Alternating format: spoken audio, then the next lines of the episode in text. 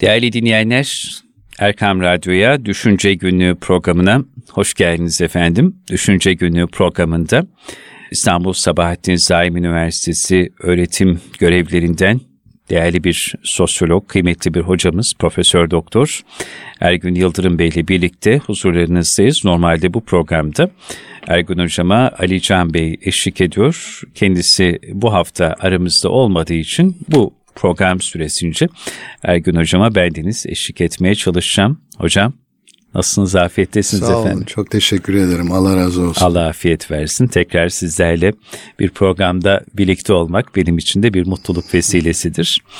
En son sizinle yaptığımız programı hatırlıyorum. Bendenizin sabah medya gündemi programına misafir olmuştunuz. O zaman Sufi Sosyoloji Maneviyatın Toplumsal Varoluşu adlı eseriniz yeni çıkmıştı. Sufi Sosyoloji adlı kitabınız beyan yayınlarından çıkan çok kıymetli bir eser. Ben şimdi bugünlerde bu Sufi Sosyoloji adlı kitabınızın çok daha dikkatli ve altı çizilerek okunması gerektiğini düşünüyorum. İçinden geçtiğimiz günler bunu bana söyletiyor. Evet son dönemlerde rica ederim. Son dönemlerdeki tartışma konularından yola çıkarak bugün sizinle biraz e, tarikatleri, cemaatleri konuşalım istiyoruz. Toplumdaki tarikat ve cemaatlerin algısı üzerine, durum üzerine genel bir değerlendirme yapalım istiyoruz. Ama onun öncesinde mesela nasıl e, Sufi Sosyoloji kitabınızda tasavvufun nasıl doğduğunu, toplum neden tasavvufla kendisini anlatmaya yöneldi, yöneliyor, bu tasavvufun toplumsal kökenleri nelerdir, hangi yönleriyle insana ve topluma mana verdi, bu ve benzeri sorulara cevaplar aramışsınız. İşte biz de bugün e, bu minvalde biraz tarikatler ve cemaatler üzerine konuşalım. Önce bir tarif yapsak, tarikat Tabii. dendiğinde ne anlamalı, cemaat dendiğinde ne anlamalı, ikisi arasındaki temel farklar nelerdir? Çünkü çoğu zaman karış karıştırılabiliyor evet. da iyi bir sosyolog olarak neler söylersiniz bu konulara dair? Sizin güzelliğiniz çok teşekkür ben ederim. Ben teşekkür ederim. Güzel temennileriniz, ifadeleriniz için. Yani çok aslında önemli bir şey bu. Sürekli Hı-hı. tarikat nedir, cemaat nedir bunun cevabını aramak. Çünkü Türkiye'de hakikaten birçok insan bunları karıştırıyor. Evet. Yani eğitim düzeyi gayet yüksek, aydın olan insanlarla geçen Twitter üzerine bir topluluğa katıldım, konuştum. Hala bunları birbirine karıştırıyor hmm. insanlar.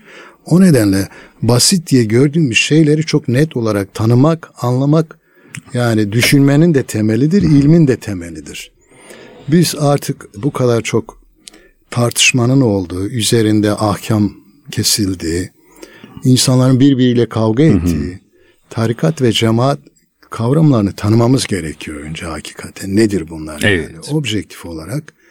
Çünkü yoğun bir biçimde önce tarikat ve cemaat üzerinde öğretilmiş bir olumsuzluk var. Hmm.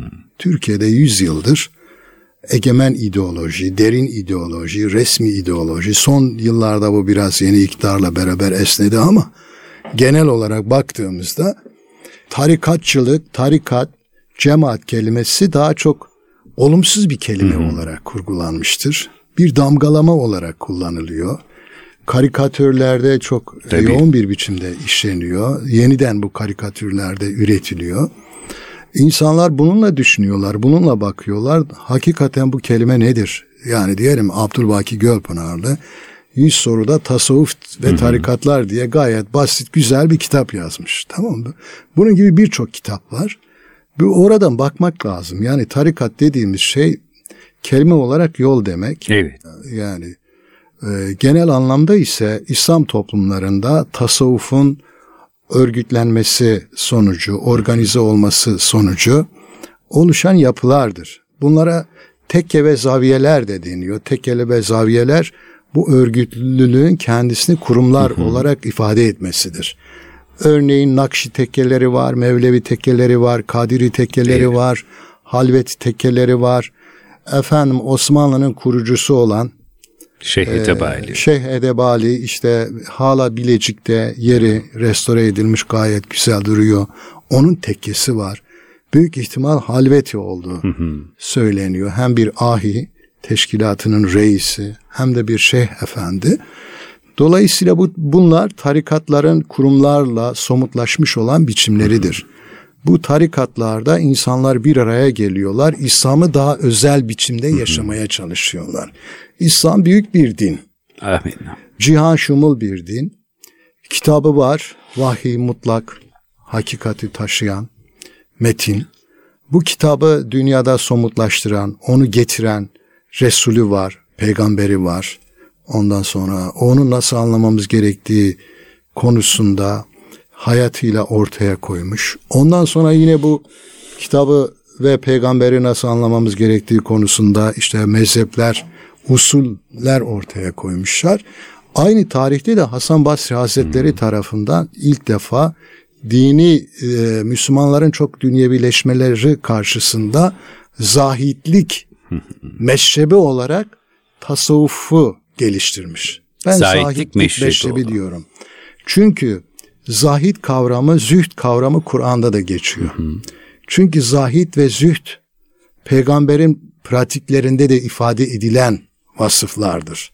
Hasan Basri de öyledir. Bunu temellendirmemizin önemli bir e, önemli çünkü insanlar hep Helenistik kültürden, Budizm'den, Hinduizm'den falan tasavvufu aramaya, temellendirmeye çalışıyorlar. Çok yanlış bir şey bu. Her şeyden önce biz Hasan Basri ile, Ehli Suffe ile, Kur'an-ı Kerim'deki zahitlik, zühd hayatıyla ve daha sonra e, tasavvuf büyüklerimiz bunu sürdürmüşler. Tasavvuf ve tarikat böyle bir şey. Cemaat dediğimiz ise sosyolojik olarak daha genel bir şey. İnsanların dayanışma halinde yaşadığı, efendim paylaştığı, sıcak sosyal ortamları meydana getirdiği, birbirini koruyup kolladığı, birbirini kardeş olarak algıladığı topluluklar için kullanılır cemaat kavramı. Bu açıdan mesela en doğal cemaat olarak aileyi tanımlar sosyologlar. Aşiretler de birer cemaattir ama dini cemaat değil bunlar. Fakat dini cemaat dediğimizde ise din temelinde bir dayanışma haline gelerek dini belli bir biçimde benimseyen insanların bir araya gelip onu daha duygusal, daha paylaşımcı, daha dayanışma içinde yaşamak isteyen insanların oluşturduğu bir topluluktur. Bu açıdan cemaat geniş bir şeydir. Evet. Hem tarikatlar birer cemaattir hem de Türkiye'de efendim nurculuk, Süleymancılık bunlar da birer cemaattir. Ama nurculuk ve Süleymancılık tarikat değil. Mesela Nakşilik, Mevlevilik, Kadirilik birer Tabii. sufi harekettir. Birer tarikattır. Türkiye'de o nedenle cemaatle tarikatlar karıştırılıyor. Mesela Nurcularda silsile yoktur. Nurcularda işte e, şeyhlik, halife, ondan sonra tarikatta seyri sülük dediğimiz mesela eğitim yöntemi bunlar yoktur. Dolayısıyla nurculuk ya da Süleymancılık tarikat değil bunlar. Evet. Tarikat olabilmesi için, tasavvuf olabilmesi için mutlaka bir silsilenin olması gerekir. Bunlar Hazreti Ali ve Hazreti Ebu Bekir'e kadar gidiyor. Değil mi? Bütün tarikat silsileleri de böyledir. Ondan sonra seyri sülükün olması gerekiyor. Ondan sonra icazetlerin burada verilmesi gerekiyor. Bütün bunlarla beraber olan bir gelenektir, bir yapıdır. Birbirinden farklı o nedenle. Şimdi Türkiye bir İslam toplumudur. Türk toplumu Müslüman bir toplumdur. Bu toplum İslam'ı kabul ettiğinden beri içinde tasavvufu tutan, tarikatlara yer veren, tekke ve zaviyeler kuran, hatta Osmanlı'nın kuruluşunda biraz önce söylediğimiz gibi çok ciddi kurucu bir rolü vardır. Aslında bizim Osmanlı'nın yıkılıp yerinde Ankara'da birinci mecliste kurulan yeni devletin de kurucu ruhunda tasavvuf ve tarikat tabii Ki, tabii Mesela burada iki önemli şeyi merkeze almak mümkün. Nedir bir, onlar? Hmm. Bir Sivas Kongresi, iki Ankara'da açılan birinci Büyük Millet Meclisi. 23 Nisan 1920. İkisinde de tarikat ehli insanlar var. Tabii. Açılışta yani, o dualarda görüyoruz evet, onu. Sivas Kongresi milli mücadelenin fiili olarak gerçekleşmesi demek. Aslında daha önce Akhisar'da, Manisa'da hı hı. bunun ateşleyenler var ve ateşleyenler arasında yine tarikat ehli olan insanlar var, müftüler var, İzmir müftüsü var. Ama en örgütlenmiş biçimi Sivas Kongresi'dir. Sivas Kongresi'nin meşhur fotoğrafını gördüğümüz Tabii. zaman orada tarikat ehli bir insan da var. Ankara'da meclis açıldığı zaman bildiğimiz gibi Hacı Bayram Veli de namaz kılınır Cuma günü. Post nişini yani bir tarikat şeyhi öncülüğünden gelinir. İçinde Mustafa Kemal de vardır. Bunlar gelirler millet meclisine kurban kesilir. Ondan sonra selalarla gelinir. Bütün Türkiye'de, bütün Anadolu'da özellikle dualar okunur ve millet meclisi açılır. Yeni bir meclis, yeni bir devlet demek. Yeni devlet Cumhuriyet'in ilanıyla kurulmadı. Yeni devlet aslında birinci meclisle kuruldu. İstanbul'daki meclis feshedildi. Bu meclisin devamı olarak yeni bir meclis olarak orada açıldı. Dolayısıyla Cumhuriyet yani e, yeni devletimizin kuruluşunda da yine tasavvuf ve tarikatın önemli bir harcı var.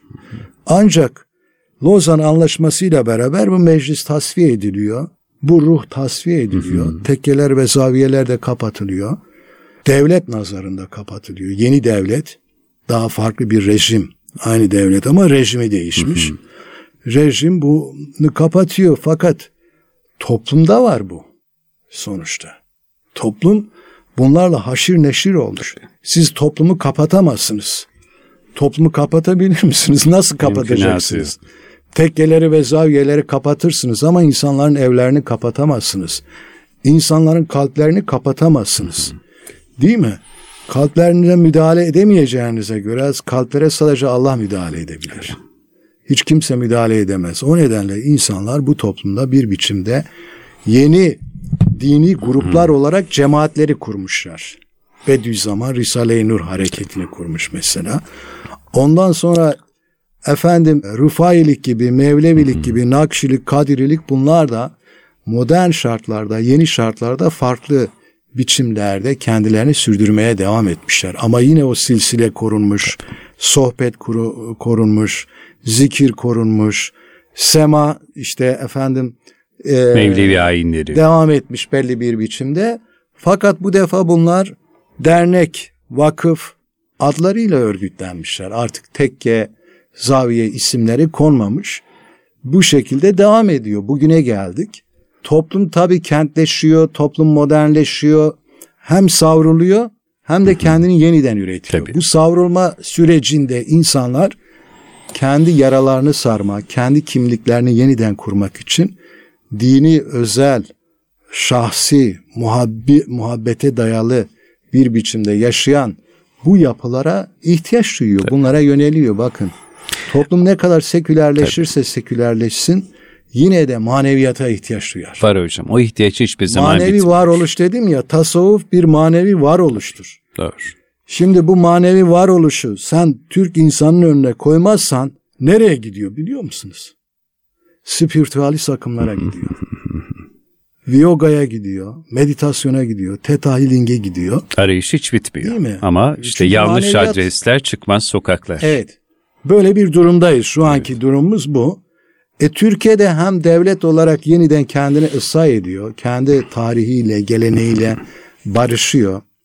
Özal dönemiyle aslında Demokrat Parti dönemiyle beraber gelen böyle bir süreç var. Ondan dolayı tasavvufun, cemaatlerin dernek ve vakıf olarak örgütlenmesine kabul ediyorlar. Bu zımnen aslında tarikat ve cemaatlerin kabul edilmesi anlamına gelir. Yeni bir formül bulunması gerekiyor. Yeni bir formül derken yani, Ergün Hocam? Evet. Yeni bir formül şu yani tarikat ve cemaatler hani kapatılsın mı açılsın mı tartışması var ya geçen yine evet. toplulukta konuşuyoruz tarikatlar kapatılsın mı? E dedim ki resmi olarak tarikatlar açık değil ki kapatılsın. Neredeyse 100 yıldır tekke ve değil zaviyeler mi? kapalı bu memlekette. Kapalı yani. Bakalım. Dolayısıyla beş insan bir araya gelip bir tespihat yaptığı zaman bugün diyelim hükümet bu konularda esnek, daha demokrat, hmm. daha dinle barışık. Yarın diyelim öyle bir hükümet olmadı. Dine karşı mesafeli, sert bir hükümet geldi. 3-5 insan bir araya gelip tespihat yaptığı zaman oraya baskın yapıp sen tekke ve zaviyeler kanununa aykırı hareket ediyorsun diye içeri atabilir. O nedenle bu meseleye bir çözüm getirmemiz lazım. Yani bu tarikat ve cemaatler evet resmi olarak kapatılmış deniyor fakat yine insanlar tarikat ehli olarak bir araya geliyorlar, muhabbet ediyorlar, silsilelerini koruyorlar. E, fakat istismarlar da çok oluyor. Tabii. Merdiven altı dediğimiz yapılar da ortaya çıkıyor. Ve burada da insanlar mağdur ediliyor. Ve hocam şöyle de bir şey var. Diyelim bir istismardan ya da bir yapılan yanlıştan yola çıkarak öyle toptancı bir yaklaşımla karşılaşıyoruz ki bu yakın zamanda işte henüz daha yargı safhasında olan ve ne olup bittiği hala tam olarak netleşmemiş olan bir hadiseden yola çıkarak nasıl bir toptancı yaklaşımdır ki yok efendim bütün tarikatlar kapatılsın, bütün cemaatler kapatılsın diye bir yaygara kopartıldı. Yani bunu da akılla, mantıkla, izanla izah etmek mümkün değil. Anlamakta Hakikaten güçlük gerçi. çekiyor insan. Yani şimdi enteresan bir şey var bu cemaat ve tarikatlarla ilgili algıda. Dün bir dergi bunu konu yapmış aldım. Bu dergi de bizim İslamcı kesimden bir dergi açıkçası. Hayal kırıklığına uğradım ben. Koca koca hakikaten profesörler bilmem neler yazmışlar. Yani bu toplumdaki bu gerçekliği göremiyorlar bir defa. Evet tarikatlarda, cemaatlerde bir takım yanlışlar var, sapmalar var. Bu tüccarlarda, şirketlerde, diğer yerlerde de var. Her yerde var. Bunları eleştirelim. Bunlara karşı müsamahakarlı olmayalım. Tecavüz nerede olursa olsun ona karşı olalım. Kesinlikle. Hukuk var, hukuka gitsin, hesap versin. Bu bunlar ama öte yandan tarikat, cemaat bunlar bir toplumun ihtiyaçlarına karşılık gelen şeyler. Sadece maneviyata da değil bakın size söyleyeyim. Aynı zamanda ciddi Türkiye'de bir şeye daha karşılık geliyor. O da şu orta sınıfın, alt sınıfın, muhafazakar kesimin örgütlenerek bu toplumda varlığını sürdürmenin önemli bir yoludur aynı zamanda. Öbür kesimler masonlukla, Rotary'la bilmem neyle örgütleniyorlar. Tamam mı? Devlet içinde ve diğer yerlerde bu örgütlenmelerle sermaye alanında, akademik alanında, siyasi alanda güç oluşturuyorlar. Ve dolayısıyla egemen oluyorlar. Medyada egemen oluyorlar, parada egemen oluyorlar, diğer alanlarda. Ve bütün bir kamuoyunu etkileyebiliyorlar. Şimdi bugün bu kapatılsın, her şeye karşı çıkan bir tarikat grubu olduğu söylenen bir grupta yaşandığı söylenen bir tecavüz olayını daha mahkemede ne olduğu kesinleşmemiş. Bunu alıp bütün bir Türkiye'yi ateşe verenler de bu kesimlerdir açıkçası. Biz her zaman tecavüze karşıyız. Ama neden? Çünkü bu işin ar- arkasında bir de bir egemenlik yarışı vardır. Türkiye'ye egemen olanlarla egemenlik devlet sadece biziz, biz yönetiriz, siz sadece bize tabi olursunuz diyenler. Bu cemaatlerle, tarikatlarla belli bir sinerji, belli bir güç, belli bir dayanışma, belli bir örgütlenme oluşturuyor. Orta kesim, alt kesim. Ve egemenlere karşı bu güç de aynı zamanda direniyor. Dayanışma içine giriyor. Böyle bir sosyolojisi var bunun. Bu onları zorlayan bir şey. Düzgün insan nerede yetişiyor bugün? Yani tamam cemaatler kapalıdır. Cemaatlerde eleştiri sorgulama düzeyi düşüktür. Ama e, nasıl giyinilir, nasıl konuşulur, nasıl oturulur? Usul, adap nerede öğretiliyor bugün? Bu cemaatlerde olmasa ne yapacağız? Evet, bu cemaatlerde öğretiliyor. Tabii. Adam köyden geliyor. Efendim alt kesimden geliyor. Bilmem nereden geliyor. Buradan geçiyor bir usul adab öğreniyor.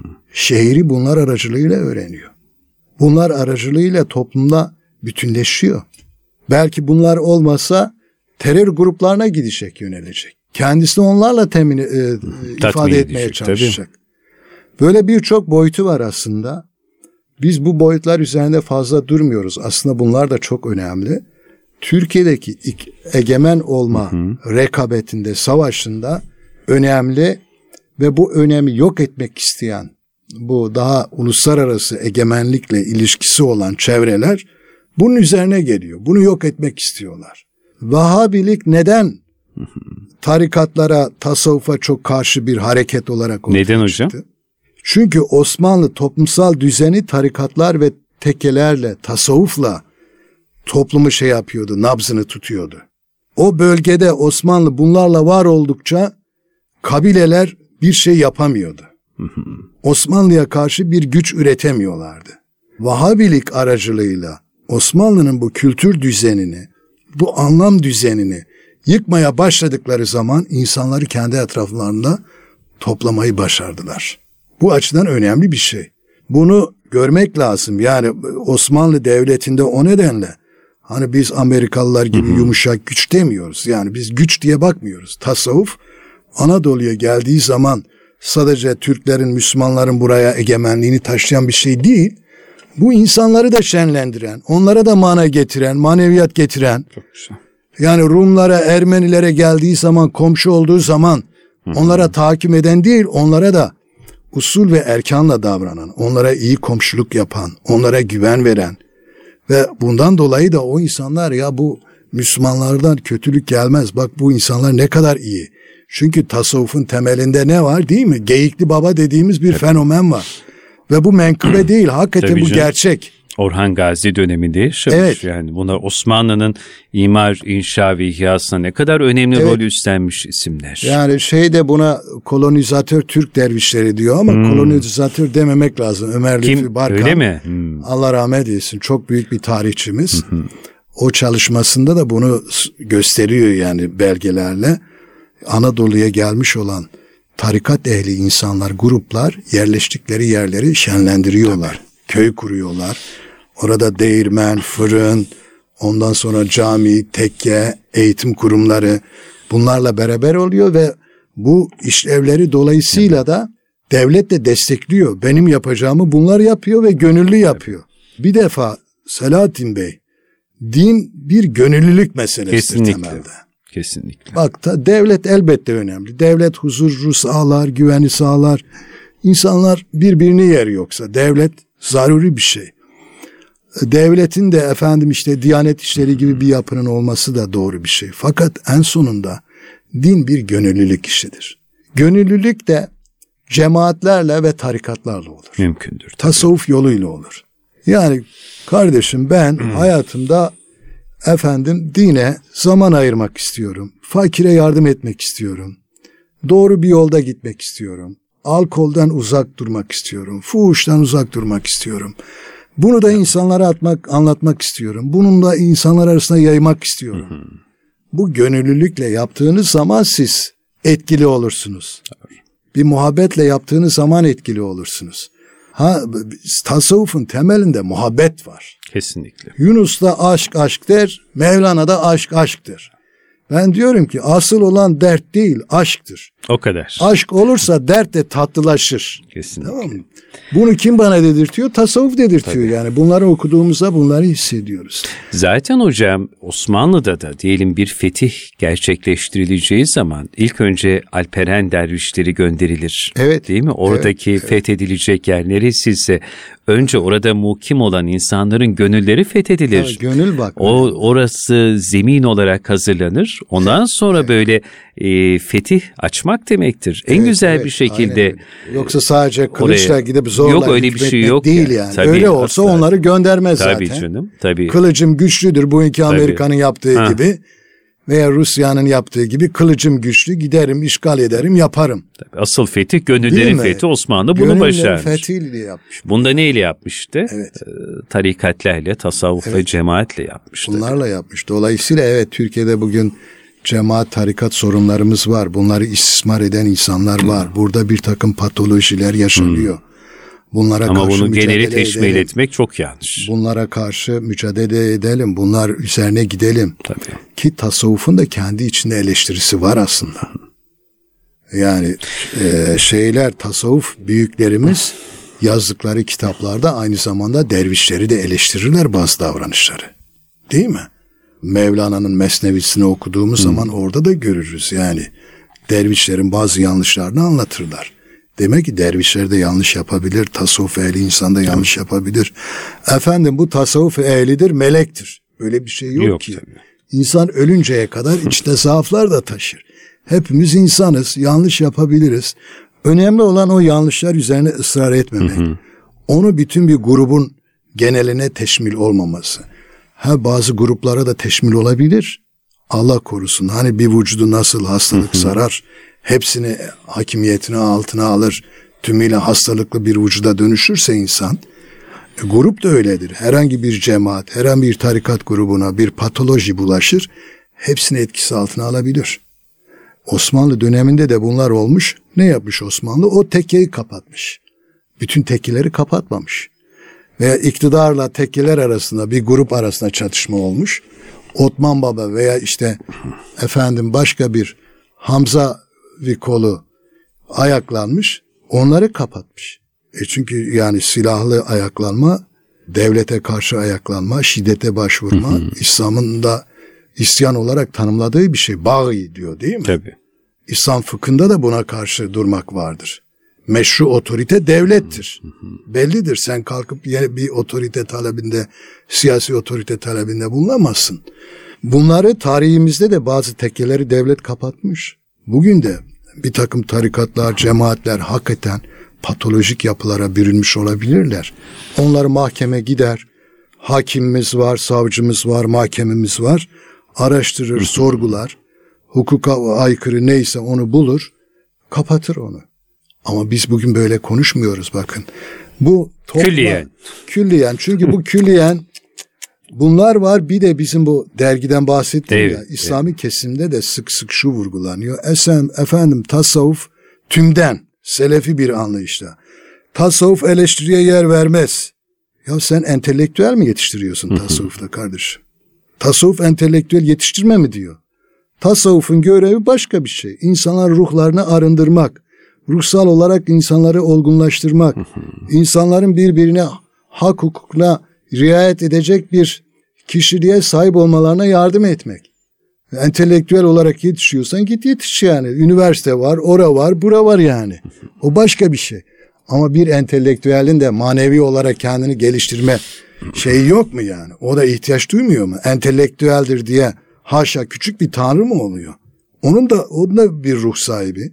Onun da büyük sıkıntılarla karşılaştığı zaman ruh olarak kendini savunabilmesi için ruhsal açıdan güçlü olması gerekir. Yine efendim tasavvufta menkıbeler sadece vardır deniyor. Bakın çok yanlış bir eleştiri. Tasavvufta şeriat var önce. Önce şeriat. Değil mi? Önce şeriat diyor, tarikat diyor. Sonra Değil hakikat, mi? hakikat marifet. Diyor, marifet diyor. Şeriatı açtık, şeriattan artık e, bize bir şey yok diyenlere biz batiniler diyoruz. Bunlar sapkın olan, bunlara tarikat denmez. İmam Gazali bunun ölçüsünü ortaya koymuş. Neden buna aşina değiliz? Böyle genelleme yapıyoruz. Elbette menkıbe geleneği önemlidir. Menkıbe geleneği, kısa geleneği bu toplumun hafızasını yansıtır. Hikaye geleneği bugün psikologlar yeniden kullanıyor. Mesnevi hikayeyle en çetrefilli konuları basit hale getiriyor. 7'den 70'e herkesin anlamasını sağlıyor. Bu bir anlatma yöntemidir. Yoksa tasavvuf ehli insanlar özellikle mesela Nakşibendilikte e, ulama çok önemlidir. Çok. Nakşibendilik tarikatı, Nakşibendilik yolu ulama yolu demektir aynı zamanda yani. Ve kendini eleştiren Nakşi Müceddidiye İmam-ı Rabbani ile beraber gelen kendini eleştiren, kendini yenileyen bir yoldur. Böyle tasavvufu akımlarımız var, yollarımız var. Bunları görmek varken efendim bu tasavvuf sadece yani teslim olanlar sadece efendim eleştiriye yer vermeyen, sorgulamayan felsefe mi o yapıyorsun yani? Felsefeci mi yetiştiriyorsun? Değil mi? şey, dar ve sığ Felsefe bakış yapmak niye tabii. başlı başına büyük bir şey olsun? O da bir yoldur tamam mı yani? Peki hocam e, mesela Osmanlı'nın son döneminde Meclisi Meşayih diye bir kurum varmış. Evet. O dönemki evet. tarikatlerin denetlendiği ciddi bir müessese. Bugün mesela tarikatlerin, cemaatlerin ya da dini yapıya hizmet eden e, kurum ve kuruluşların bu manada mesela Diyanet tarafından denetlenmesi mümkün müdür? Böyle bir şeye ihtiyaç var mıdır? Olursa meclisi meşayih gibi bir şey işlevi görür mü sizce? Ya ben bunu yine aslında birinci meclisteki yöntemi doğru buluyorum. Hmm. Evkaf vekaleti. Hmm. Yani Türkiye'de Vakıflar Genel Müdürlüğü var. Bu Vakıflar Genel Müdürlüğü bakanlık düzeyine çıkarılmalı. Ve bu Vakıflar Genel Müdürlüğü içinde e, bu tarikat, cemaatler birimleri olmalı. Bu birimlerde hakikaten hem denetimler hem icazetnameler vesaire Osmanlı'daki meşayih gibi görevleri yerine getirmeli. Bu daha sağlıklı bir şey olur. Diyanetten ayrı olma. Çünkü Diyanet daha resmi bir kurum. Siyasi bir boyutu var efendim. Bütün tarikatlar üstü bir yapı. O orada dursun ama öte yandan da daha vakıflar daha ondan bağımsız, daha sivil var olmalarını da sağlayacak tarikatların ve cemaatlerin böyle bir yapı olması lazım. Çünkü Diyanet resmi dini genelde temsil eder. Evet. Tekel oluşturur o zaman. O da uzun süreli olmaz çözüm olarak diye düşünüyorum. Hatta o nedenle bence cemevlerini oraya değil de Kültür Bakanlığı'na bağladılar ve çok isabetli bir karar açıkçası. Çok doğru bir karar onu kim düşündüyse. Ee, bu tür tartışmaların da önünü almış oldular. Efendim bizi sunileştirirler, hmm. Diyanet'in bilmem neydi değil. Bakın sizi bağımsız bir kültür şemsiyesi altında topladık. Dini faaliyetlerinizi, evet. çalışmalarınızı, kurumlarınızı hem devlet nezdinde meşrulaştırdık hem de e, sorunlarınız varsa getirirsiniz, konuşursunuz, yardımcı oluruz. Son dönemde atılan en önemli adımlardan birisi bence. Tarikat ve cemaatler için de bu yapılmalı. Yapılabilir. Evet. Bakın Türkiye'nin 5 milyonu 5 milyon bunu da şey söylüyor yani Bekir Ağrıdar'ın hmm, Konda söylüyor. Konda. Alevi yaşıyor. Bu insanlar için böyle güzel bir şey sağlandı. Ama Türkiye'de ehli sünnet ve cemaat mensubu milyonlarca kat be kat fazla. Dolayısıyla bu insanlar bu tarikat ve cemaatler bu, bu kesimden çıkıyor. Bunların da aynı şekilde manevi kurumlarına, manevi varlıklarına bir meşruiyet sağlanmalı, getirilmeli. Hükümet bugün efendim bunlara sempatik yaklaşıyor, yardımcı oluyor. Yarın başka bir şey olur. Bunun olmaması için de devlet artık bu tür bir kurumsallaşmaya gitmeli. Çok diye güzel. düşünüyorum yani. Evet. Hocam ben yeri gelmişken dinleyenlerimize e, Sufi Sosyoloji adlı kitabınızı bir kez daha tavsiye etmek istiyorum. Çünkü burada tasavvufun sosyolojik anlamına da tarikatlerin ve tasavvufun toplumların yenilenmesindeki rolüne de e, geniş bir şekilde temas ediyorsunuz. Tarikatler mesela sosyal kurumları ve sosyal kimlikleri var oldukları günden bugüne nasıl inşa etmişler? İlk defa sistematik bir şekilde tasavvufun sosyolojik veçesini göstermeye çalışan kıymetli bir eser. Profesör Doktor Ergün Yıldırım hocamız kaleme almış. Özellikle bugünlerde çok daha dikkatli ve altı çizilerek okunmalı ki içinden geçtiğimiz süreç, olup bitenler, yaşananlar, şahit olunanlar daha iyi anlaşılsın, idrak edilsin. Tasavvufun, tarikatlerin İslam toplumlarının dinamiklerinde nasıl ortaya çıktığı ve hangi şekillere girdiğini de yine bu kitapta göstermişsiniz hocam. Çok, Çok teşekkür ederim. Biz teşekkür ediyoruz. Sağ olun. Böylelikle Erkam Radyo'da Profesör Doktor Ergün Yıldırım hocamızla beraber bir düşünce günlüğü programının daha sonuna gelmiş olduk. Ergün hocam da gündemdeki bir mevzudan yola çıkarak tarikatleri, cemaatleri çok farklı yönleriyle böyle genel bir tarifini yaparak bugüne getirdik ve konuşmaya gayret ettik. Tekrar hocamıza teşekkür ediyoruz. Sufi Sosyoloji kitabını sizlere tavsiye ediyor. Önümüzdeki hafta yine Ali Can Bey'in de inşallah bulunacağı bir başka düşünce günlüğü programında tekrar huzurlarınızda olmak dileği ve duasıyla diyoruz. Allah emanet olun, kulağınız bizde olsun.